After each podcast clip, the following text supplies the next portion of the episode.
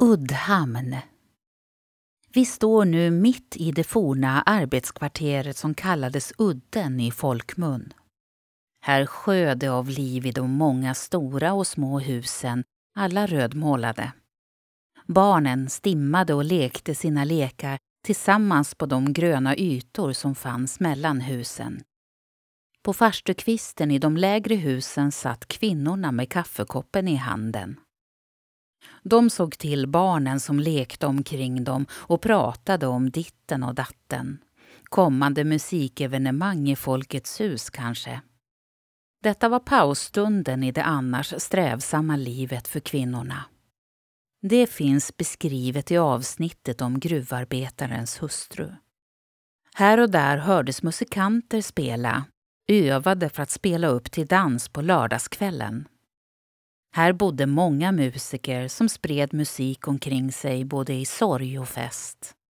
Man hör om en violinist som var så efterfrågad både bittida och sent.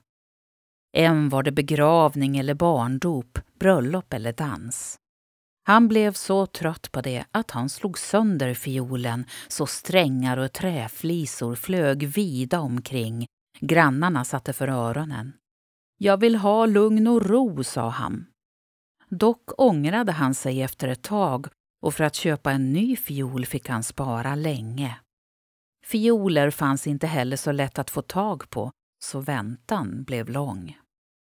När barnen växte upp och hade gått ut skolan var det så dags för egen försörjning. Pojkarna gick ofta i faderns fotspår och stannade på det sättet kvar i Herräng, träffade en flicka och satte bo i sitt hemmakvarter.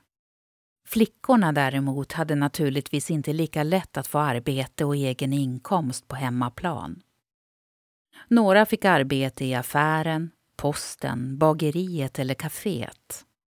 De flesta fick plats som hembiträde ända borta i Norrtälje eller kanske till och med huvudstaden. Här fick de lära sig sköta hushållet och sköta om barnen. En god skola för framtiden om husmodern i hemmet var av det välvilliga slaget. Sedan kom de ofta tillbaka, träffade en fästman och bildade familj i sitt hemmakvarter. Då ställdes det till med bröllop. Först lysningskaffe hos brudens föräldrar söndagen före bröllopet. Lördagen därpå reste man den långa vägen till Häverö kyrka och sedan samma väg tillbaka efter vigseln. Fest i gamla Folkets hus var vanligt.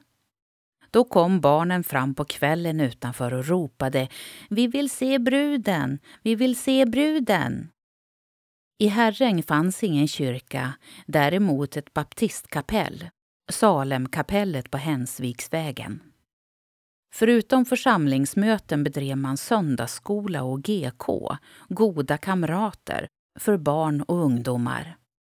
Här vid udden kan man se rester av den järnväg som löpte från gruvorna i Hängnan ner till järnbruket Krossen med Gråberg. Ända hit upp gick havet in i en vik. Nu är Hästhagsviken igenfylld av slig.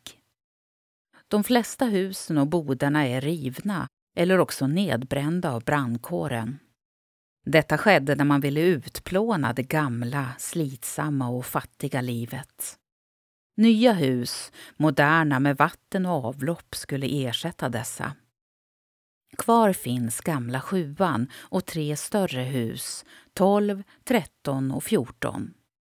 Hus nummer 20 är också bevarat lite längre bort. Vi ser också fem tegelhus i kolonial stil här. De var också byggda för arbetarna. Här finns också en tvättstuga på Spatslätten. Hört av kvinnor. Vi har inga problem med vikten med all vår arbetsbörda. Det vi ser nu är bostadshus i modern stil. Enda gemensamma nämnaren är kanske rödfärgen och grönytorna. Upplev flera berättelser och objekt på plats med Geostory-appen. I appen kan du också tävla om att bli väktare och beskyddare för dessa. Finns där appar finns. Har du förslag på intressanta och bra berättelser som du tycker borde finnas i Geostory? Gå då in på geostory.se, välj bidra under meny och klicka sedan på förslag på Geostory.